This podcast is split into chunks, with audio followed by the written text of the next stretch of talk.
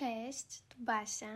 Miło mi Was powitać w kolejnym odcinku podcastu, w audycji, w której dzielę się swoimi przemyśleniami i zapraszam też różne ciekawe osoby z mojego otoczenia, po to, by mogły się podzielić swoimi przemyśleniami. W tym odcinku jest to Zuzia, e, moja koleżanka, z którą mamy bardzo podobną historię.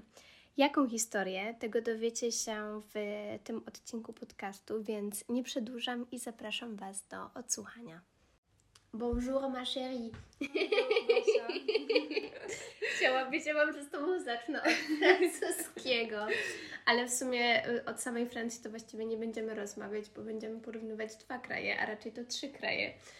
I y, to będzie taki odcinek bardzo kulturowy i też chyba taki wychodzący spoza granic, dosłownie. I, i Polski, ale też w ogóle taki spoza granic umysłu. Zuzia, wyjechałyśmy właściwie w tym samym roku, bo w 2019 za granicę. Ty co prawda na studia, studia, a ja na Erasmusa. Każda z nas do innego kraju, ale byłyśmy obok siebie. Tak, no to prawda. bo ja byłam we Francji, a ty w Hiszpanii. I moje pierwsze pytanie, takie dosyć oczywiste, to dlaczego Hiszpania? Jak to się stało, że Hiszpania Ciebie przyciągnęła? Mm, trzeba by zagłębić się w tą historię trochę wcześniej mhm. i najbardziej w historię mojej edukacji, bo przez 6 lat byłam w szkole dwujęzycznej, a, a no właściwie w, w, klasie, która e, podlega pod takie oddziały dwujęzyczne z mhm. językiem hiszpańskim. E, teraz nie jestem pewna, jak to wygląda w Polsce, ale dotychczas e, ośrodków takich dwujęzycznych z hiszpańskim w Polsce było 16. Mhm. E, no i między innymi w Poznaniu, właśnie na, na osiedlu Czecha, o. E, w, szkole. E, to było gimnazjum i liceum mhm. w czasie, kiedy był jeszcze stary podział. Dokładnie. E, tak. I e, poszłam, mm, zacznę może od tego, czemu poszłam do tej szkoły, mhm. bo mój wybór zaczął się już właśnie wtedy. To jeszcze nie było na, jeszcze nie było na etapie studiów, tylko mhm. dużo wcześniej. E, I co pokierowało mną w sumie, że, mm, że wybrałam taką ścieżkę?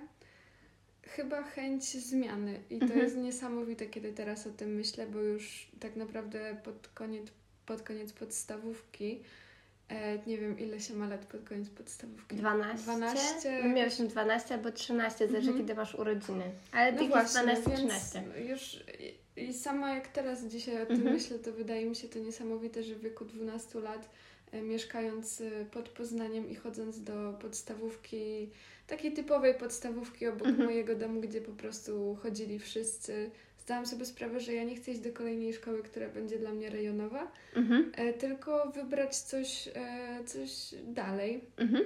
E, słyszałam już wcześniej o tej szkole i sama nazwa język hiszpański mm, brzmiała dla mnie tak bardzo egzotycznie już wtedy, że stwierdziłam, że okej. Okay czemu nie? I mhm. chyba był to jeden z takich pierwszych momentów w moim życiu, kiedy poczułam taką adrenalinę przed czymś, czego nie znałam. Mhm.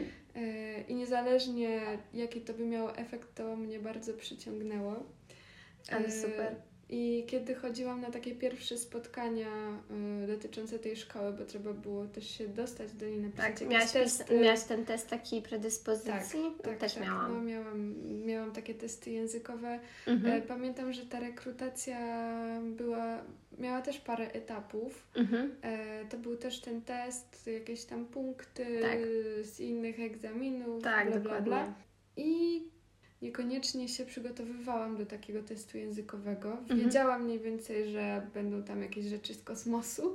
tak. Ale to był kolejny, e, kolejny, e, znaczy teraz już myślę o tym, że kolejny, ale wtedy jeden, jeden z pierwszych e, takich challenge dla mhm. mnie, że po tak. prostu spotykam się z czymś, co nie mam pojęcia czym jest, a jakimś cudem udaje mi się to dobrze rozwiązać. Mhm. I co Super. jest efektem takiej mojej determinacji był rzeczywiście kosmiczny ten test, no ale udało mi się i, i, i się dostałam do tej klasy.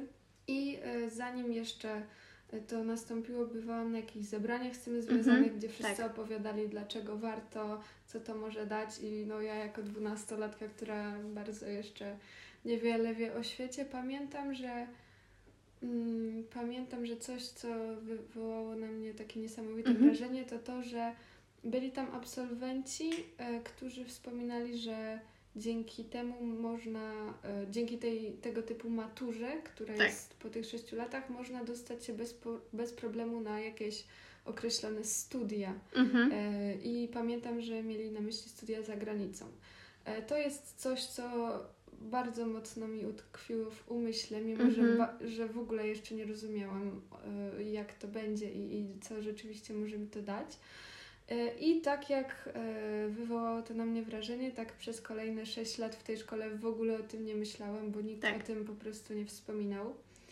E, Ale to, co przeżyłam w tej szkole, było na tyle niesamowite, że w pewnych momentach mojej edukacji tam ja nie wyobrażałam sobie, że zostanę w Polsce. To znaczy, Mhm. że byłam już tak przyzwyczajona, że istnieją inne kultury poza naszą taką w domu, że Tak. tak, powiem, polską i taką, do której jesteśmy, którą jesteśmy otoczeni na co dzień, że, że zawsze chciałam więcej. Mhm. I e, w, w gimnazjum i liceum ta chęć e, poznania, e, ta chęć poznania myślę, że sprowadzała się do takich różnych pasji, typu Tak. teatr, fotografia, moda, wszystko co pokazuje taką różnorodność świata Mhm. i, i obrazuje to. I też jest, e, teraz jak o tym myślę, jest e, też formą komunikacji. Tak. E, To jest coś, czym dzisiaj też się bardzo zajmuję i co mnie interesuje prywatnie, ale, ale myślę, że to były takie formy, na które ja mogłam sobie wtedy pozwolić. E, Które były dla mnie na wyciągnięcie ręki i były też czymś, co bardziej mi urozmaicało życie wtedy. Mhm. Tak. Ale y, no dalej kontynuując y, odpowiedź na pytanie, czemu Hiszpania, no kiedy kończyło się gimnazjum nie wyobrażałam sobie iść do innej klasy niż po prostu Mhm. kontynuować tę dwujęzyczną. I pod koniec już, pod koniec liceum zdałam dwujęzyczną maturę Tak. E, I nie tylko mam na myśli maturę z języka dwujęzyczną, czyli Mhm. z hiszpańskiego, pisemną i ustną, ale również e, inne przedmioty, takie jak literatura, e, geografia, historia, to się nazywa profesjonalnie bachillerato español albo título de bachiller. To, Mhm. jest, to jest taki typ matury, gdybym zdawała go w, w Hiszpanii. Mhm. Jak Mega zdają fajnie. też właśnie uczniowie na tym etapie. Także no Wow. i, y, i co się stało dalej, to znaczy Przechodzimy do tak, sedna tak, teraz mogę przejść już do sedna. Musiałam trochę po prostu zaznaczyć kontekst. Nie no wiadomo, bo tak gdybyś powiedziała tak No, z marszu, dlaczego to myślę, że to by trochę nie miało sensu. Dokładnie, też e, coś, czego nie powiedziałam może e, wcześniej, to że e, na całym tym etapie ja na żadnym przedmiocie nie skupiałam się tak jak na hiszpańskim. To znaczy ja Mhm. dosłownie mam wrażenie, że y, no nie chcę, żeby to zabrzmiało źle, ja bardzo szanuję edukację i naprawdę uwielbiam się uczyć. Myślę, że to jest szalenie ważne, ale ja mam wrażenie, jakbym przez całe swoje życie e, właśnie w, w gimnazjum i liceum nie uczyła się absolutnie niczego innego, tylko Hiszpańskiego. hiszpańskiego.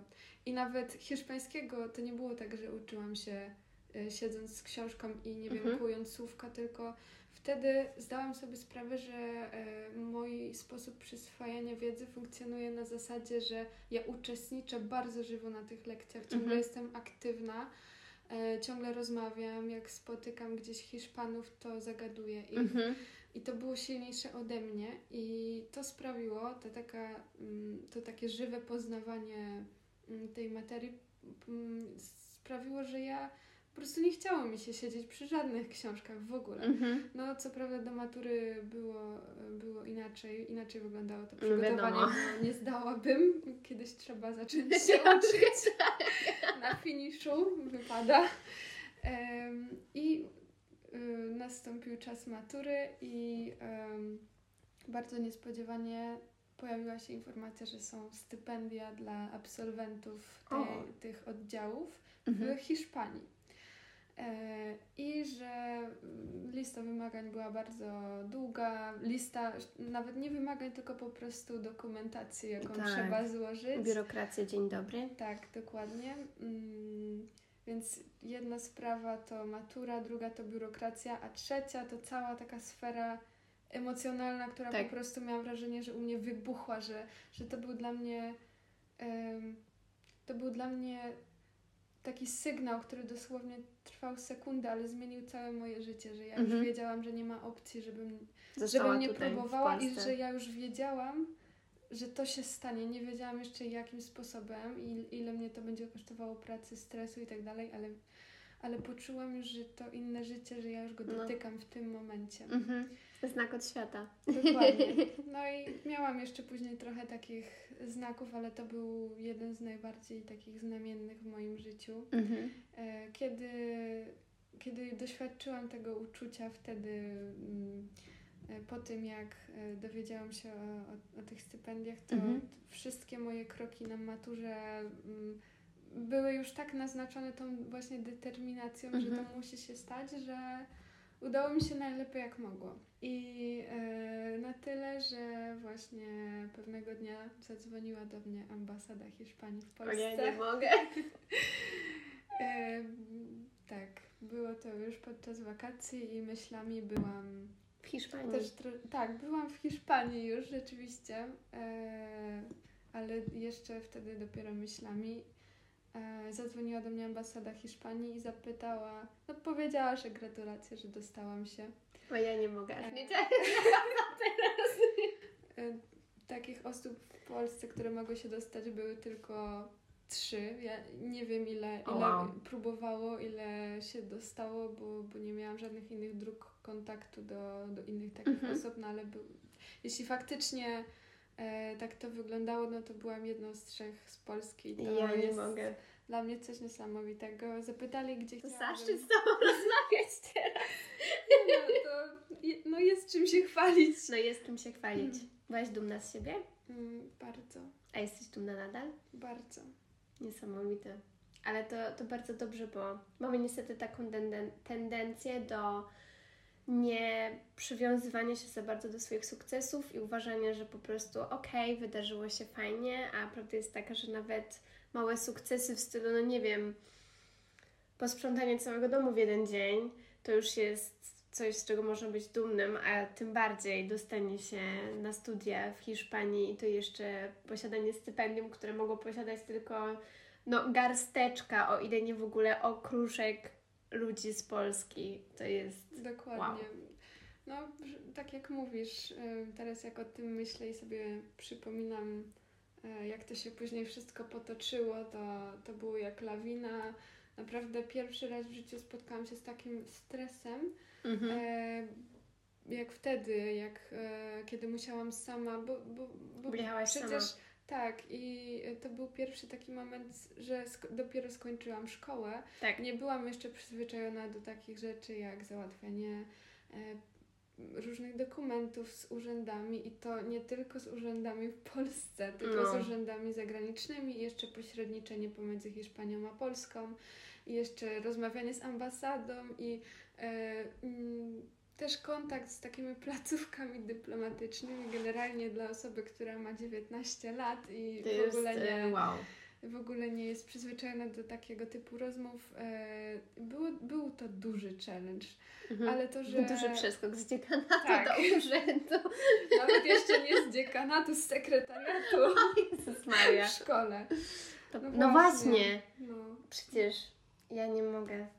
Ja nie miałam żadnego doświadczenia ze studiowaniem, e, ale e, okazała się śmieszna rzecz, bo później jeszcze jak już dostałam e, Mhm. to stypendium, ja już w ogóle myślałam, że ja już mam wszystko, czego mi potrzeba, że już naprawdę nic nie będę musiała załatwiać, że wszystko Tak. już jest ze mną, że teraz to po prostu pojadę i wszystko będzie super. Jak bardzo się myliłam. Ej, to jest tak, musimy porównać nasze w ogóle wyjazdy, bo kiedy ty wyjeżdżałaś dokładnie? Ja wyjeżdżałam e, na początku września Aha. 2019. 19. Ja wyjeżdżałam 28 czerwca. E, nie czerwca, sierpnia.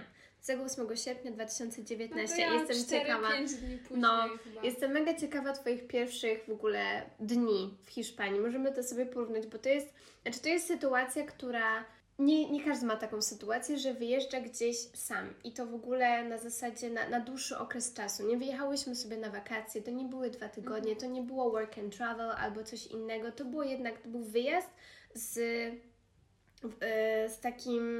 Z taką perspektywą, że zostaniemy tam na. No ja akurat na początku miałam 4 miesiące, potem 10, a ty miałaś właściwie więcej Tak. niż rok, tak Ja naprawdę. Generalnie, e, generalnie muszę powiedzieć, bo to było stypendium, które y, nazywało się, że to jest stypendium na rok, natomiast e, że jest z możliwością przedłużenia i że ono może być jak najbardziej przedłużane. I no, ja wyjeżdżałam na studia. Studia, e, ten pierwszy etap w Hiszpanii, który się nazywa Mhm. Grado, czyli tak jak coś, no powiedzmy licencjat, Mhm. tylko że w Polsce i w większości krajów to trwa 3 lata, w Hiszpanii 4. E, I ja tak naprawdę, ja wyjeżdżając, kompletnie nie myślałam o tym, na ile tam wyjeżdżam. w właśnie. sensie to było dla mnie równoznaczne z tym, że ja mogłam tam wyjechać na zawsze. No. To była dla mnie tak ogromna adrenalina, że wiedziałam, że to jest taka duża zmiana w moim życiu, że jest mi, że, że jakby to przyćmiewało mi takie też realne spojrzenie Tak. generalnie na tą sytuację. No jakby nie patrzeć, no dziewczynka, 19 lat, e, bardzo mało jeszcze wie o, o takich... E, o takich formalnych krokach życiowych, Tak. nie? I, I od razu wyjechałam tak w nieznane i sama i nikogo tam nie miałam. No. Eee, Spotkałaś i- w ogóle jakichś Polaków? Mm, Wiesz co, spotykałam, no mm, zdarzało się. Mhm. Zdarzało się. Jednak dużo, e, dużo Polaków lubi wyjeżdżać na Erasmusa do Hiszpanii. Tak. To Także jest bardzo ciekawa to, destynacja. Głównie to. Mm, Niesamowite. A jak w ogóle pamiętasz te swoje pierwsze dni? Co się wtedy wydarzyło? Wiesz co, e, Przyjechałaś do Mhm. Hiszpanii, jesteś w Hiszpanii. Co się to dzieje? znaczy najpierw zanim jeszcze, e, zanim jeszcze przyjechałam, pamiętam, że bardzo znamiennym mm, było dla mnie lecenie samolotem tam. Mhm. E, to był jeden z najlepszych momentów w moim życiu. Pamiętam, że e, bo moja mama i mój chłopak odwozili mnie na lotnisko w Mhm. Berlinie. E, I ja dosłownie byłam tak tym wszystkim podekscytowana, że, że w ogóle nie. Nie, Nie zarejestrowałaś tego, nie że ojcze zarejestrowała- zostawiasz ich. Tak, że, że zaraz to się stanie, że ja zaraz przejdę za te bramki. I no stało się, przeszłam za te bramki, spojrzałam na nich z tyłu i wtedy uświadomiłam sobie, że jestem teraz sama. Mhm. E, To, jest, to jest trudne uczucie. Tak, to było, było dosyć trudne. E, przeszłam dalej do Do kontroli tak, tam tak, tak, inne strefy. Siedziałam, patrzyłam na ten swój bilet wydrukowany. Miałam go Jest. w ręce, patrzę na niego, siedzę sobie z tą moją walizeczką, bagażem podręcznym. Patrzę na niego, patrzę na ten samolot i e, no i, i stało się. Wsiadłam i I poleciałaś. pamiętam tylko też moment, kiedy samolot odrywał się od ziemi i, i słuchałam takiej piosenki, którą chyba już zapamiętam do końca życia. Mhm. I chyba popłakałam się wtedy, bo zdałam sobie sprawę, że to wszystko, co teraz się dzieje, To się e, serio oczywiście dzieje. to się serio dzieje i dzieje się to, działo się to z pomocą też moich bliskich, ale gdybym, gdybym ja tego nie zrobiła, nie to nie stałoby się to. I, i, I wtedy odczułam, jak dużą sama też mam w tym rolę. Mhm. To dodało mi mega dużo siły i myślę, że teraz już jestem uzależniona od takich odczuć. Niesamowite. Ja też pamiętam, bo ja w ogóle jechałam, znaczy leciałam z Wrocławia Mhm. i mnie żegnała właśnie moja mama, yy, moja przyjaciółka i jeszcze też taka, taka jedna znajoma ze swoją córką. I pamiętam, jak e, ten po- pociąg w ogóle miał delikatne opóźnienie. No i jak już w końcu przyjechał, to to było tak szybko, szybko. Ja pamiętam, że jeszcze miałam tą swoją wielką walizkę i że trzeba było ją wpakować, i że to było tak. To, to na, I nawet tak naprawdę, w sensie, oczywiście zdążyłam się pożegnać, ale zaraz wsiadłam do tego pociągu i on od, od razu odjechał. I pamiętam, że siedziałam w tym pociągu i uświadomiłam sobie, że jadę na Erasmus i że to się serio dzieje. I że to jest, że to, nie, to już nie są te plany, to nie, jest, to nie są te przygotowania, to nie są te dokumenty wysyłane, te maile, tak dalej, to już to się serio dzieje, to się serio zaczyna. I pamiętam, że to jest w ogóle, to, jest moja ulubiona historia, bo Generalnie mam wrażenie, wiem, że tutaj porównujemy trochę dwa inne wyjazdy, nadal za granicę, ale ja jednak w, w programie y, Erasmusowym, ty bardziej dosłownie na studia, też w jakimś programie stypendialnym, ale trochę innym. Ale mam wrażenie, że y, to było coś, czego y, żałowałam, że nikt mi nie powiedział najpierw. Bo jak się słucha o tych wszystkich wyjazdach, jak ci ludzie opowiadają o tym, jak wyjechali, opowiadają o samych dobrych rzeczach bo to ci zostaje tak naprawdę i to chcesz pokazać, co, czego możesz się nauczyć, ilu ludzi możesz spotkać, gdzie możesz pojechać, wyjechać, co możesz zwiedzić, ile masz korzyści z tego, jakie to jest super. Ja jestem za to bardzo wdzięczna, ale nikt mi nie powiedział na przykład o tym, że są też trudności. I ja tak wiesz, zachłysnęłam się tym -hmm. takim, że to będzie super doświadczenie, że to wszyscy mi polecają i tak dalej. I raz, że przed samym wyjazdem sprawdziłam sobie mój akademik i na Google'ach miał same złe opinie. Powiedzieli, że tam, tam były opinie, że są karaluchy wszędzie. I mówię sobie, Jezus Maria, w ogóle gdzie ja jadę? Co ja mam zrobić? Pamiętam, że nie chciałam wtedy nikomu nic mówić i moja siostra się tak domyśliła, że, że coś jest nie tak.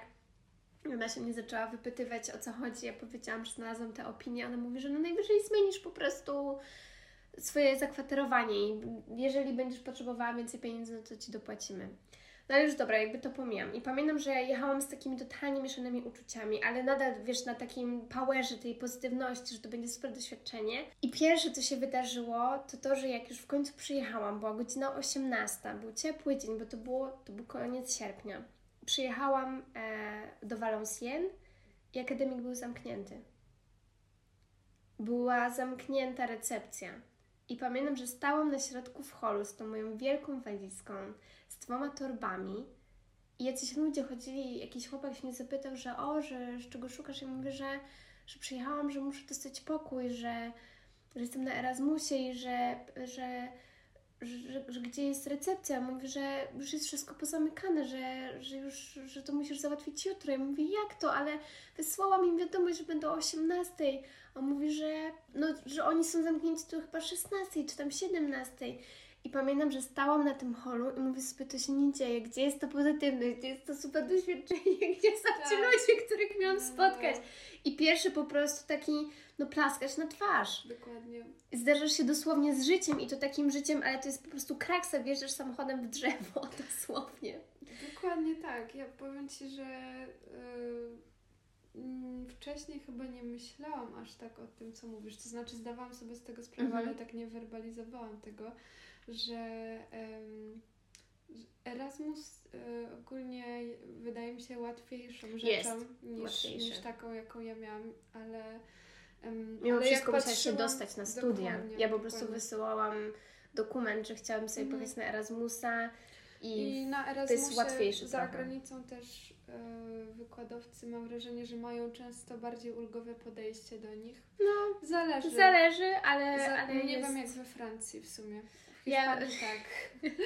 Generalnie i się śmiałam trochę, bo jak już przyjechałam, to się okazało, że jestem jedyną dziewczyną na Erasmusie na Polką i jedyną dziewczyną, e, która się zapisała na ten kierunek, bo ja mhm. miałam kierunek chemiczny. Generalnie jak idziesz na Erasmusa, to zazwyczaj jesteś z tych właśnie językowych, mhm. żeby poćwiczyć język i tak dalej. No ja byłam z, no, z kierunku chemicznego i e, dowiedziałam się, że na ten kierunek mało kto przyjeżdża na Erasmusa, więc oni nie do końca są przyzwyczajeni, nie wiedzą jak to działa. No to już wtedy miałam takie, no to fantastycznie! I po prostu um, tak naprawdę ni nigdzie nie miałam taryfy ulgowej, mimo że czasami bardzo bym chciała, bo jednak po prostu czasami niektóre rzeczy, jakiś elektromagnetyzm po francusku i inne różne, i termodynamika to była dla mnie czarna magia. Nawet po polsku to jest czarna magia, więc, no więc po francusku to była czarna magia do kwadratu. Ale już pomijam ten fakt. I podchodziłam do każdego nauczyciela po pierwszych zajęciach, mówiąc, że no, że tutaj e, jestem na Erasmusie i tak dalej, wszyscy mówili, okej, okay, dobra, super. I mówię, okej, okay, czyli nie mam taryfy ulgowej.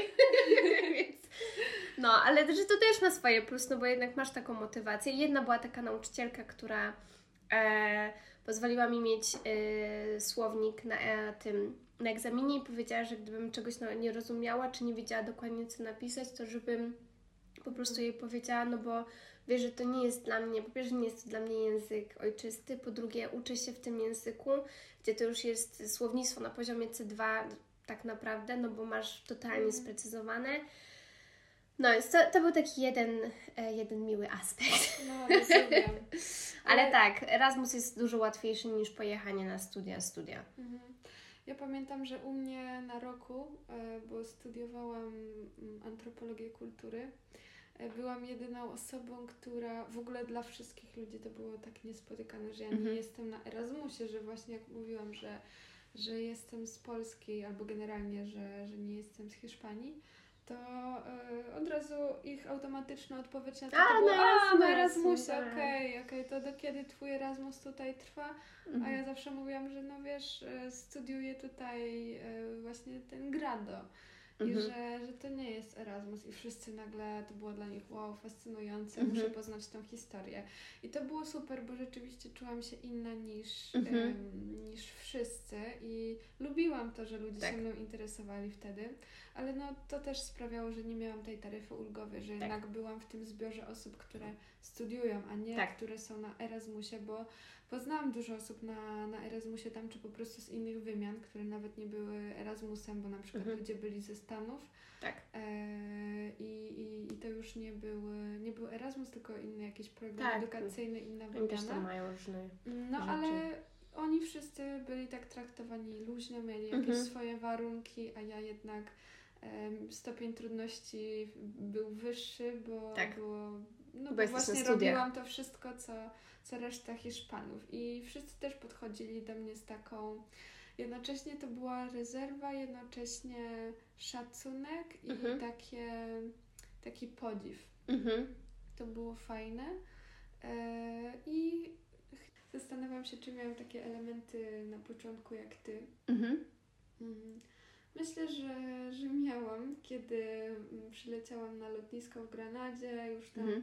e, dałam radę znaleźć swoje e, tam wszystkie rzeczy. e, Bagaże wsiadłam- i tak, tak wsiadłam do autobusu, bo właśnie w Hiszpanii jest bardzo popularny transport taki, no nazwałabym to autokarowy wręcz, Mhm. to nawet, no autobusy również, ale taki... Bardziej jak e, autokar. mhm, tak, Taki dokładnie. wysoki z, z siedzą, tak. siedzeniami. I to się nazywa Alsa. Mhm. E, Jest to nazwa firmy. Mhm. E, No i właśnie mówi się po hiszpańsku, że, że, że się jedzie na przykład Alsą gdzieś. Taki Mhm. transport międzymiastowy, można Dobra. powiedzieć, nie? Mhm. No i ja właśnie wsiadłam w tą Alsę, kupiłam sobie bilecik e, i, i pojechałam na, na stację autobusową w Mhm. Granadzie, bo wiedziałam, że właśnie mieszkam, w sensie moje mieszkanie, do którego miałam jechać, było, było obok tego dworca. Mhm. E, I tam miała już na mnie czekać dziewczyna, z którą e, miałam mieszkać, Mhm. Hiszpanka, bo miałam mieszkać tam z dwoma Hiszpankami, no i z jedną z nich się umówiłam, że po mnie przyjdzie odebrać mnie Tak. na ten dworzec i że pójdziemy razem do mieszkania. I rzeczywiście tak się stało. Uf. I pamiętam, że w momencie, w którym wysiadłam z tego autobusu i zobaczyłam, e, zobaczyłam ją i, i już wiedziałyśmy, że ja to ja, a ona to ona i zaczęłyśmy ze sobą rozmawiać, wtedy poczułam, że ten język hiszpański jest dla mnie prawdziwszy niż kiedykolwiek w życiu. Mhm. Że uświadomiłam sobie, że aha, okej, to teraz na tym, na tym polega moje życie, że właśnie Mhm. w taki sposób rozmawiam. E, To było dla mnie tak zaskakujące, ponieważ ja myślałam, że już znam ten język od podszewki. Że ja, że dosłownie, że, Potem pojechałam do Hiszpanii. że nic mnie nie zaskoczy. I nagle okazuje się, e, nawet nie, był, nie chodziło o to, że ja nie rozumiem czegoś, bo ja wszystko rozumiałam, tylko że pierwszy raz w życiu wtedy miałam taką sytuację, że użyłam tego dla celów takiej w sumie rozmowy bardziej. A to nie były ćwiczenia w klasie. Tak, dokładnie. E, Nie dla celów edukacyjnych, tylko po prostu w, w takiej kwestii życia, że po prostu Mhm. idziemy e, po chodniku i komentujemy, co widzimy, albo ona pyta o sytuację, o jakąś historię mojej rodziny.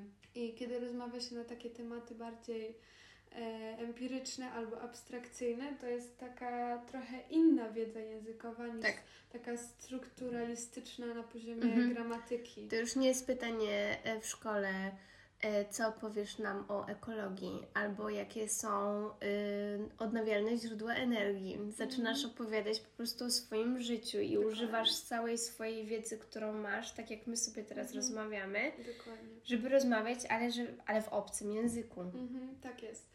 Później takich y, językowych rzeczy było więcej, mm-hmm. jak y, zaczęło się prawdziwe życie, y, ale co później się stało?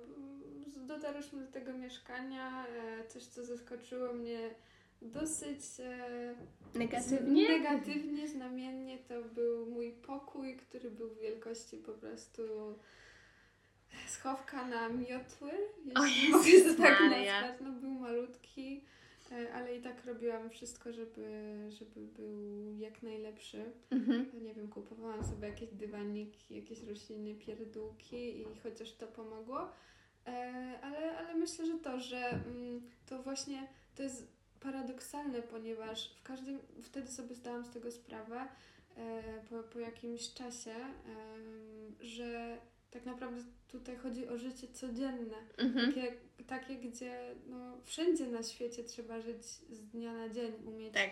zrobić sobie taką strefę komfortu, w mhm. której czujesz się dobrze. No, dokładnie. E, umieć rozpoznać to, z jakim jedzeniem czujesz się dobrze, jakimi ludźmi potrzebujesz się otaczać. E, to jest właśnie dla mnie um, paradoksalne, że ja zdałam sobie z tego sprawę za granicą dopiero. Nie w Polsce. Myślę, że to e, kwestia tego, że akurat byłam w takim wieku, że dopiero no, powiedzmy, że mniej więcej po, po, po szkole, kiedy człowiek mhm. kończy szkołę, to zaczyna właśnie w taki sposób tak. funkcjonować tak. i zdawać sobie z takich rzeczy sprawę, że nie wiem, musi zrobić sobie zakupy, że musi mhm. zrobić sobie pranie, bo, e, bo opuszcza dom rodziny zazwyczaj. Tak. E, więc jakby jestem przekonana, że ogromna liczba osób e, doświadcza tego uczucia i nie musi wyjeżdżać za tak. granicę. Tak. Um, ja akurat u mnie się to tak złożyło, że doświadczyłam tego momentu za granicą. Mhm. Chciałam się właśnie Ciebie zapytać. E, e, to jest takie pytanie trochę, w sensie zabrzmi może ono dziwnie, ale kim się stałaś, jak wyjechałaś do Hiszpanii? Hmm, myślałam o takim słowie, że mój tryb życia stał się taki, chyba nazywa się takie osoby nomadami, mhm. że nie mają tak naprawdę takiego jednego swojego miejsca, tak. że przyzwyczajają się bardziej do tego, że zmieniają otoczenie, niż że szukają w jednym określonym otoczeniu bezpieczeństwa. Mhm. Myślę, że taki tryb życia może być trochę niebezpieczny, bo czasami warto jest przywiązać się do czegoś tak tutaj, Zapuścić korzenie. Tak, tutaj i teraz. Ale to był okres w moim życiu, kiedy czułam się właśnie lepiej w momentach, kiedy samolot odrywał się od ziemi Mhm. Kiedy jechałam do innego miasta, kiedy ciągle rozmawiałam z innym człowiekiem, mhm. kiedy ciągle próbowałam innego jedzenia, kiedy problemy z dokumentacją jakąś pojawiały się na tyle często, że już się do tego przyzwyczaiłam i kiedy tak. było wszystko w porządku, to aż czułam się niekomfortowo, że nie muszę nic załatwiać. Nie ma listu z urzędu, jak to, a dzisiaj środa.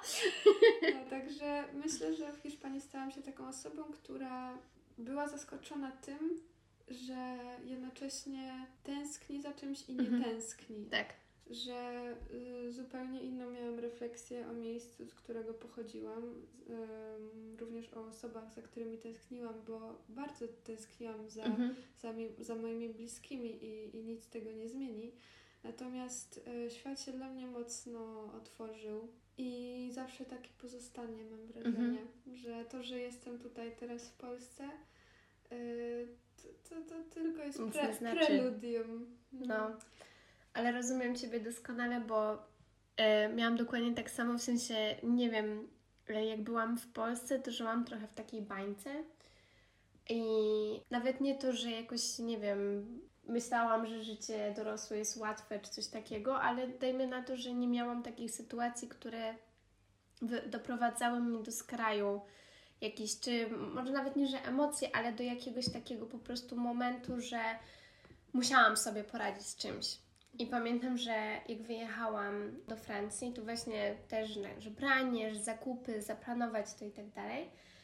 ale też na przykład doszły, w sensie były takie sytuacje, w których miałam ogromną ochotę, żeby ktoś to zrobił za mnie, mhm. bo ja nie chciałam się za to brać, nie chciałam tego robić, a równocześnie wiedziałam, że jestem jedyną osobą, która może to zrobić, bo nikt tego za mnie nie zrobi. Y, właśnie teraz tak sobie pomyślałam, że wiesz, to, że i ty i ja zdałyśmy sobie z tego sprawę, bo można by powiedzieć, że to jest banalne. W sensie tak. każdy, każdy musi mieć zrobione pranie, musi tak. jeść, bo to są rzeczy.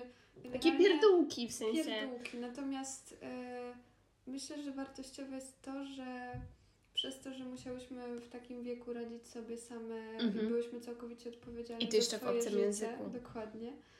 E, to sprawiło, że teraz po powrocie do Polski, nie wiem czy też tak masz, ale ja, ja mam tak bardzo, że ja nawet nie oczekuję, żeby ktokolwiek robił to za mnie i mało tego, nie, nie tyle, że ja tego nie oczekuję, na to nie pozwalam. Ja, Bardzo ciekawe. Um, mam teraz właśnie coś takiego, że kiedy ktoś próbuje ingerować w takie moje sfery życia, mhm. czuję się strasznie niekomfortowo, że ja nie, nie daję innym ludziom mhm. e, zrobić czegoś za mnie. A to jest bardzo ciekawe. W sensie, ja miałam tak przez jakiś czas, że że trochę oddzielałam życie we Francji i życie w Polsce. Nawet nie to, że powiedzmy we Francji byłam imprezowiczką i całe noce spędzałam w klubach, a w Polsce grzecznie siedziałam u babci na kawce, ale po prostu miałam wrażenie, że jednak są, to są dwie różne kultury i ja jednak może nawet nie to, że się dopasowuję, ale wchodzę w tą kulturę i równocześnie jakby wchodząc w kulturę trochę się zmieniam. I to są, wiesz, to są takie rzeczy w stylu, że totalnie mi się odwrócił sposób jedzenia, co jest banalne, ale jeszcze przed Francją jadłam po polsku, to znaczy wiesz, śniadanie, drugie śniadanie, obiad, kolację. Cztery czy nawet czasami pięć posiłków dziennie, a jak wyjechałam do Francji, to nagle mi się totalnie przestawiło, bo tam jest lunch o 12 i ten lunch jest w postaci naszego polskiego obiadu, bo masz dużo jedzenia i to nie jest kanapka, że zależy ile masz czasu, ale generalnie ludzie idą zjeść taki nasz polski obiad mhm. i potem do wieczora nie jedzą. I Francuzi się dziwili, że ja o 18 byłam głodna i że chciałam coś zjeść, albo że na przykład szłam na imprezę taneczną i ktoś próbował, proponował jakiegoś drinka i miałam takie, że nie, może lepiej nie, bo jestem głodna. Czemu jesteś głodna? Mówię, bo jadłam o 18. Dlaczego tak wcześnie jadłaś kolację? I to były takie rozmowy, wiesz, i pamiętam, że że, że wiesz, to, to jest akurat banalne, ale po prostu totalnie się musiałam przestawić, bo na przykład, no, powiedzmy zaczynając od tego jedzenia, sam fakt, że jest ta przerwa po, w południe, wszystko jest pozamykane. Mhm. A ja potrafiłam pójść wtedy na pocztę, bo to jest czas, kiedy mogę pójść na pocztę. Mhm. I odbijałam się od drzwi, bo poczta zamknięta no, no, do 15. No. Słuchaj, ale no wiesz, jest ta... No. Hiszpanii też niejednokrotnie pokazała mi, że hej, myślisz, że uda ci, coś, ci się coś załatwić? Absolutnie nie. Tym nie. Razem, nie tym Absolutnie razem. nie. No i w ogóle w sensie, e, a propos też takiej otwartości, to E, też miałam wrażenie, może na, niekoniecznie, że stałam się nomadem, chociaż teraz mam wrażenie, podróżując w kółko w różne miejsca, to rzeczywiście takim nomadem się czuję. Ale mnie właśnie ten wyjazd za granicę tak naprawdę serio otworzył. Ja pamiętam, że no, no Erasmus, jakby siłą rzeczy spotykasz różne narodowości, e, ale w ogóle tak naprawdę na uniwersytetach różne narodowości spotykasz. I pamiętam, że że to było dla mnie takie niesamowite. To był chyba jeden z pierwszych dni mojego Erasmusa. Poszliśmy sobie całą ekipą na, na jakiegoś drinka i sobie siedzimy i gadamy. Gadamy wszyscy po angielsku, no bo to jest najbardziej uniwersalny język. Tym bardziej, że nasz francuski nie był na poziom, nie, nie mieliśmy tego samego poziomu francuskiego, więc powiedzmy, żeby każdy w miarę czuł się swobodnie czy to żeby wyrażać jakieś swoje uczucia, emocje, czy żeby opowiedzieć historię, gadaliśmy po angielsku. I pamiętam, że siedzimy przy stole, to chyba było z 10 osób. Były, e, były dziewczyny z Chin, były dziewczyny z Korei, były, były jakieś Kanadyjki, były, e, byli, byli chłopacy z Turcji, e, z Brazylii i siedzimy i gadamy w jednym języku. I pamiętam, że do mnie tak dotarło, że tu jest mieszanka kulturowa totalnym, wiesz, to jest po prostu wow, każdy ma zupełnie inną historię, inną kulturę, inne tradycje, inne jedzenie, cokolwiek, inny język, a siedzimy, rozmawiamy po angielsku i rozumiemy się, zadajemy sobie pytania, chcemy się poznać Ja, w sensie ja pamiętam, że jakby ja nie mogłam opanować tych myśli, to było dla mnie takie, wiesz, ogromne, jeszcze jakby mi mózg parował, po prostu mhm. mówię sobie, Jezus, to jest tak niesamowite, te, te granice nie istnieją. Dokładnie. To jest tylko administracja. Te granice nie istnieją. I po prostu, i dla mnie na przykład niesamowite było to, że e, powie, nie wiem, szłam na zajęcia, gadałam z Francuzami, którzy na przykład potrafili mieć polskie korzenie. Przynosili mi jedzenie polskie, bo, bo opowiadali swoim rodzinom, że jest Polka na, na studiach i te rodziny mówiły, o to coś zrobimy. Co prawda nie, nie wiem, czy to rzeczywiście było polskie, ale wiesz, przynosili mi jedzenie, żebym sobie spróbowała, bo ich rodzina, czy tam ciocia, czy dziadek, którzy są z Polski jeszcze coś tam pamiętają, to postanowili zrobić, żeby mi dać. I to było dla mnie takie wow, po prostu niesamowite. I wiesz, i tu jesteś z Francuzami, oni tu coś Jednak... opowiadają, idziesz na kolację z, z Koreanką i z Niemką, z nimi rozmawiasz, a potem idziesz na imprezę, gdzie tańczysz. Wow. Też e, wydaje mi się, że no, Francja z Polską jest bliżej, e, jeśli tak. chodzi o, o, historię i nie tylko o, o geografię. Um, bo jeśli chodzi o to, jak na przykład Hiszpanie reagowali na to, że jestem z Polski, mhm. bo ja Y, głównie zadawałam się jednak z Hiszpanami. Tak. To znaczy miałam znajomych też ze Stanów, mhm. były osoby y, też z Chin, ale głównie, głównie to byli jednak Hiszpanie z racji, że mm, tak bardzo im się podobało, mhm. że, że, że tak mówię po hiszpańsku. Mhm. E, to po prostu byli, byli to Hiszpanie albo z mojego roku gdzieś tam, albo osoby też, właśnie dziewczyny, z którymi mieszkałam. E, miałam jednego kolegę bardzo dobrego z Ekwadoru, także -hmm. też mhm. osoby właśnie z Ameryki Południowej, bo, bo migrują często do, tak. E, na, na południe Hiszpanii. Nie tylko na południe, ale po prostu e, w Granadzie po prostu też jest dużo imigrantów. Mhm. I pamiętam, że kiedy dowiadywali się, że jestem z Polski, bo zawsze kiedy kogoś poznawałam, to była taka loteria. Najpierw tak. e, w ogóle nie wiedzieli skąd jestem, bo na przykład nie, nie domyślali się po moim mhm. hiszpańskim, ale później... A słyszeli e, akcent? Wiesz co? Różnie. Niektórzy mhm. tak, niektórzy nie. Mhm. E, no i też trzeba przyznać, że akcent na południu Hiszpanii jest troszeczkę specyficzny. Ja mam mhm. wrażenie, że teraz już sama, sama przez to, że tam mieszkałam, zaczynałam mówić po andaluzyjsku. Dosłownie, że miałam taki że naprawdę miałam takie naleciałości, e, bo, bo, bo to słyszałam najczęściej z otoczenia. Ale no, kiedy poznawałam na przykład nowego człowieka, na mhm. początku nie było w ogóle, nie skapnął się, że nie jestem Hiszpanką i, i, i, ja sama naturalnie zaczynałam po prostu coś sugerować, że nie jestem stąd, bo mówiłam, że o, tutaj mm, to, to studiowanie nie, nie jest dla mnie aż takie łatwe, coś tam, coś tam, albo że po prostu mówiłam, że nie jestem z Granady, że nie mieszkam mhm. tam na co dzień i wtedy pytał się mnie skąd jestem i często e, prosiłam, żeby ludzie zgadywali, bo mhm. byłam ciekawa co powiedzą. E, najczęściej mówi, że jestem z Włoch. O! E, później, że z Niemiec. Później, że z Rosji. Nikt, nie, Rosja, nie, no. nikt się nie domyślał, że, że, z Polski. Że z Polski. Nawet kiedy mówiłam im pierwszą literkę, drugą literkę, e, to, to nie domyślali się. I wow. kiedy mówiłam, że jestem z Polski, E, coś tam zaczęło im świtać mniej więcej, że to jest gdzieś bardziej na północy od nich. E, i, I w ogóle, że to jest taki kraj, gdzie wszyscy są wysocy, że wszyscy są blondynami. Tak, takie oh, mieli wow. stereotypy o Polakach, że no ja też jestem trochę wyższa, mam no tak. jasne włosy, wtedy miałam jeszcze jaśniejsze. Więc wszyscy y, myśleli, że okej, okay, to wszyscy teraz na pewno z Polski... się z polskim stereotypem. dokładnie, dokładnie. No i że tam na pewno jest mega zimno. Myślę, tak. że nie wiadomo ile... E, ile, ile Niedźwiedzie polarne chodzą po prostu zimą. Tak, y, że wszyscy u nas ciągle piją wódkę. A no tak, to, no i to jest znali standard. Y, to coś, co na przykład znali, to znali e, polskie przekleństwa i wiedzieli, A, no tak. wiedzieli, kim jest Jan Paweł II. I tyle. Wow. To ja w sumie, w sensie... Um, u mnie chyba aż tak nie Przepraszam, no. E, jeszcze wiedzieli, e, gdzie jest Kraków. E, dużo tak. ludzi mówiło, że na przykład było w Krakowie i że jest przepiękny. Tak. Częściej to, niż no, Warszawa. To u mnie też. Warszawa też się pojawiała, ale Kraków i Warszawa głównie. Bardzo mnie bawiło, jak. ja z kolei właśnie miałam tak, że przez dłuższy czas jak rozmawiałam, jak zaczynałam z kimś rozmawiać, to, to ludzie wyczuwali mój akcent. Niezależnie od tego, jakbym się starała, żeby go nie mieć, chociaż ja miałam wrażenie, że go nie słyszę. No ale zawsze tak jest, no swojego akcentu nigdy nie słyszysz. I zawsze właśnie było pytanie, że e, a skąd jesteś? E, co tutaj robisz, czy coś takiego. W ogóle moja, jedna z moich, to, to był hit, to jest taka rozmowa, która mi tutaj nie rozwaliła, ale teraz mi się właśnie ona przypomniała. Byłam na wieczorku latino, o, o latino też zresztą sobie pogadamy. E, I, I tańczyłam baciatę i pamiętam, że właśnie, że, że mój partner, bo zaczęliśmy trochę rozmawiać, mówi, że o, że a skąd ten piękny akcent? Mówię, że z Polski. Mówię, o, to co robisz tutaj we Francji? A ja mówię, że no, że przyjechałam na rozmówcę. Mówi, że o, że czyli studiujesz, ale to e, przyjechałaś do chłopaka?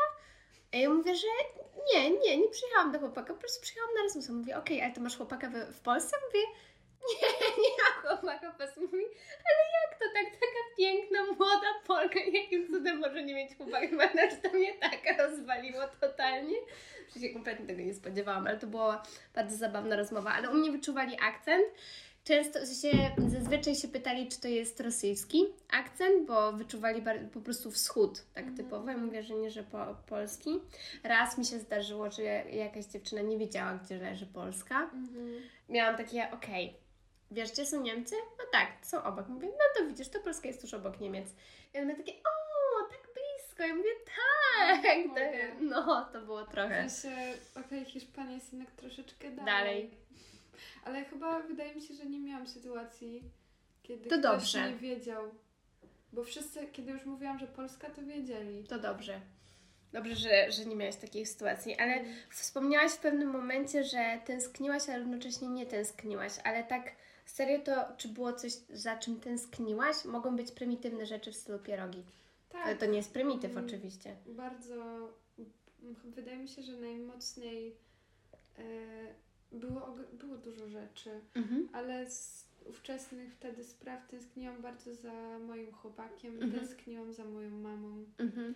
E, za moim bratem, za moim królikiem. No. Miałam wtedy królika, którego opuściłam ale również e, myślałam o takich rzeczach e, trochę, które, które odkryłam, że są, nie wiem, jakimś nowym elementem mhm. tęsknoty dla mnie. Na przykład zauważyłam, zauważyłam, że emeryci w Hiszpanii zachowywali się zupełnie inaczej tak? od emerytów w Polsce. Tak. Więc to była też taka nostalgia za, za moim krajem. Mhm. E, wcześniej nie zdawałam sobie sprawy, że jestem przywiązana do jakichś takich mhm. cech temperamentu Polaków, mhm. ale po jakimś czasie zdałam sobie sprawę, właśnie e, w Hiszpanii e, i jestem przekonana, że we Francji też, ale po mhm. prostu w krajach bardziej zachodnich jest dosyć popularna, są popularne sklepy, które nazywamy Chińczykami. Mhm. Jest tam wszystko i nic i na początku, kiedy wchodziłam do takiego sklepu, to bardzo mnie on przerażał, mhm. bo naprawdę... Tam no, jest wszystko i nic. Dokładnie. E, I, I nie wiem, te przedmioty są takie, że aż one mnie przytłaczają. Mhm. E, to był taki, e, taki czas, w którym bardziej chciałam mieć wokół siebie mniej przedmiotów niż więcej, że, mhm. że, że, nie lubiłam po prostu, szczególnie przedmiotów, które były dla mnie bardzo tandetne. I, tak. i, i wtedy dla mnie... Mm, taka, takie rozróżnianie tego było proste. Albo coś jest przydatne i to mam, albo, albo jest, jest chociaż, chociaż w jakimś najmniejszym stopniu nieprzydatne i po prostu do widzenia out. out. Mhm. E, więc e, tak, czemu zaczęłam mówić o tych Chińczykach? Ponieważ były tam również ubrania. Mhm. I buty, i generalnie rzeczy, którymi można ozdabiać sobie ciało i założyć na siebie. Dla mnie, e, jako osoby, która też kiedyś e, interesowała się e, modą i, i tak dalej, tego typu rzeczy były dosyć, mm, jakby to powiedzieć, no, nie podobały mi się po prostu. E, I, I też miałam jakieś takie niekomfortowe uczucie, że mm, pochodzi to, myślę, ze źródła, które jest bardzo nieetyczne. Tak. Tak jak wszystkie przedmioty, które się po prostu w tym sklepie mhm. znajdowały. Mhm. Ale dążę do tego, że właśnie taka moda pochodząca z Chińczyka, albo po prostu taka, która e, jest podróbkami mhm. jakichś znanych marek i projektantów, na południu Hiszpanii jest ogromnie popularna. Okej, okay. wszyscy się tam zaopatrują. Tak, i nie twierdzę, że u nas w Polsce ludzie nie noszą podróbek, no bo również są, są one widoczne, E, ale nigdy w życiu nie widziałam tyle podróbek co tam i Mhm. e, w, takim, w takiej dużej intensywności. Mhm. Ludzie po prostu e, noszą to, no, wszystkie na przykład produkty, jakie mają na sobie, widać, że są to podróbki od, Mhm. jakby od, od głowy do, do dołu. I właśnie e, coś, co było dla mnie takie dosyć zauważalne, to że emeryci na przykład e, noszą tego typu rzeczy również, Mhm. że chodzą w, w na przykład w jakichś cekinowych butach, matko. e, że chodzą właśnie, no, są poobwieszeni jakimiś podróbkami i Mhm. oczywiście teraz nie generalizuję, nie mówię, że wszyscy, ale było to takie zjawisko, e, które jakoś rzuciło mi się w oczy i pomyślałam, że w Polsce to by chyba się nie zdarzyło, albo jeśli, no to nigdy... Emeryci raczej nie są cekinowi. No właśnie, że jednak nasi polscy emeryci ubierają się z taką nostalgią swoich Mhm. czasów, że jednak e, e, albo noszą te same rzeczy od 50 lat, Mhm. e, albo jednak jeśli kupują nowe, to naśladują jakiś styl, który Tak. był obecny w ich młodości i wydaje mi się to no takie mm, Urocze. urocze. Mhm. Mi się to podoba, że nasi Tak. emeryci się tak ubierają, a tam y, przede wszystkim wydaje mi się to nieetyczne i, i chyba to chciałam powiedzieć. Mhm. Też w Hiszpanii jest y, bardzo popularne takie zjawisko, y, szczególnie na południu, no bo jest to Mhm. y, droga, którą y, ludzie z Afryki podążają, żeby Tak. dostać się po prostu do Europy. Nazwałabym No tak. to takim portalem Mhm. ich do, do Europy i było y, tam bardzo dużo imigrantów, którzy widać było, że albo y, dostali się być może nielegalnie, albo Aha. ledwo wiążą też jakiś koniec z końcem. Bardzo dużo ludzi Jezus. mieszkało na ulicy.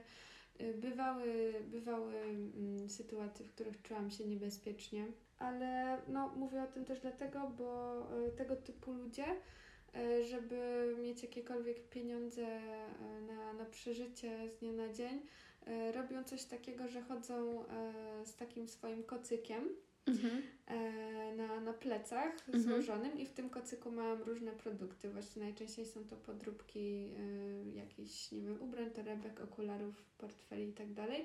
I w ciągu dnia, gdzieś tam, kiedy są w centrum czy coś, e, rozkładają sobie taki kocyk, Mhm. W- Na tym mają rozłożone te produkty, no i sprzedają. No tak. Najczęściej to jest właśnie nielegalne. No to tak E, jak pod wieżą Eiffla. Dokładnie, e, tak jest. No, pod wieżą Eiffla to bardziej bryloczki, prawda? Tak, Jakieś takie bryloczki, pamiątki. Ale też nielegalnie wszystko. No widzisz, e, i tak się dzieje z tymi kocykami, ponieważ kiedy zbierze się policja, to jest najłatwiej im po prostu to zawinąć i uciec. No, To jest dla nich wygodne. prawda. E, Więc spotkałam się bardzo z takim e, zjawiskiem i e, no i cóż, e, ludzie tam, e, tubylcy, że tak powiem, Mhm. czyli Hiszpanie, którzy no nie zawsze mają pieniądze, żeby sobie kupić, żeby sobie kupić oryginalne produkty, myślę, że, że, że to ich trochę może kusi. No możliwe. E, Cóż, takie zjawisko zauważyłam, No. to mnie zaskoczyło mocno. A oprócz właśnie takich rzeczy miałaś taki jakiś jeszcze szok kulturowy? Tak typowo kulturowy, że coś, Mhm. co się różni między Polską a Hiszpanią? Że pije się alkohol w środku dnia, Mhm. y, ale takim zamyśleniem, żeby, nie żeby się upić, tylko żeby sobie trochę Popić. popić no, żeby sobie Wypić dla smaku. winko, żeby sobie wypić piwo. Y, U nas w Polsce inaczej do tego zazwyczaj podchodzimy. W ogóle mam wrażenie, że jest inna kultura picia. Inna kultura, no, inna kultura. Zupełnie, zupełnie inaczej. W sensie jakby nie chcę tutaj generalizować i mówić, że w Polsce się pije, żeby się upić, a na zachodzie pije się, żeby posmakować.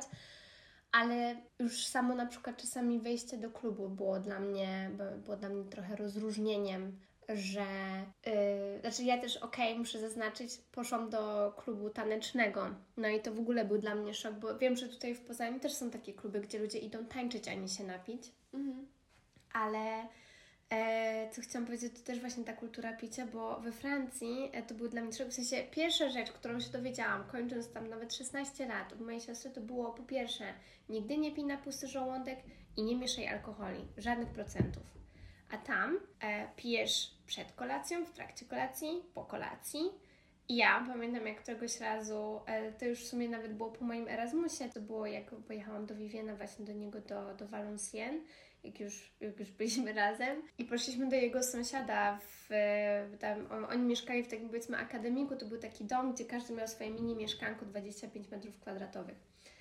No i poszliśmy do jego sąsiada się napić czegoś, a byliśmy przed kolacją, więc ja generalnie, jako że i tak y, tam już jeszcze bardziej mi się rozregulowują godziny jedzenia, bo między 12 a 21 jest 9 godzin, no i mimo, że o 12 zjem dużo, to do tej 21 zdążę zgładnieć. Pamiętam, że sobie poszliśmy, żeby u niego usiąść, tam trochę pogadać i w ogóle, to, też było zabawne. Oczywiście wyciągnął żubrówkę na stół.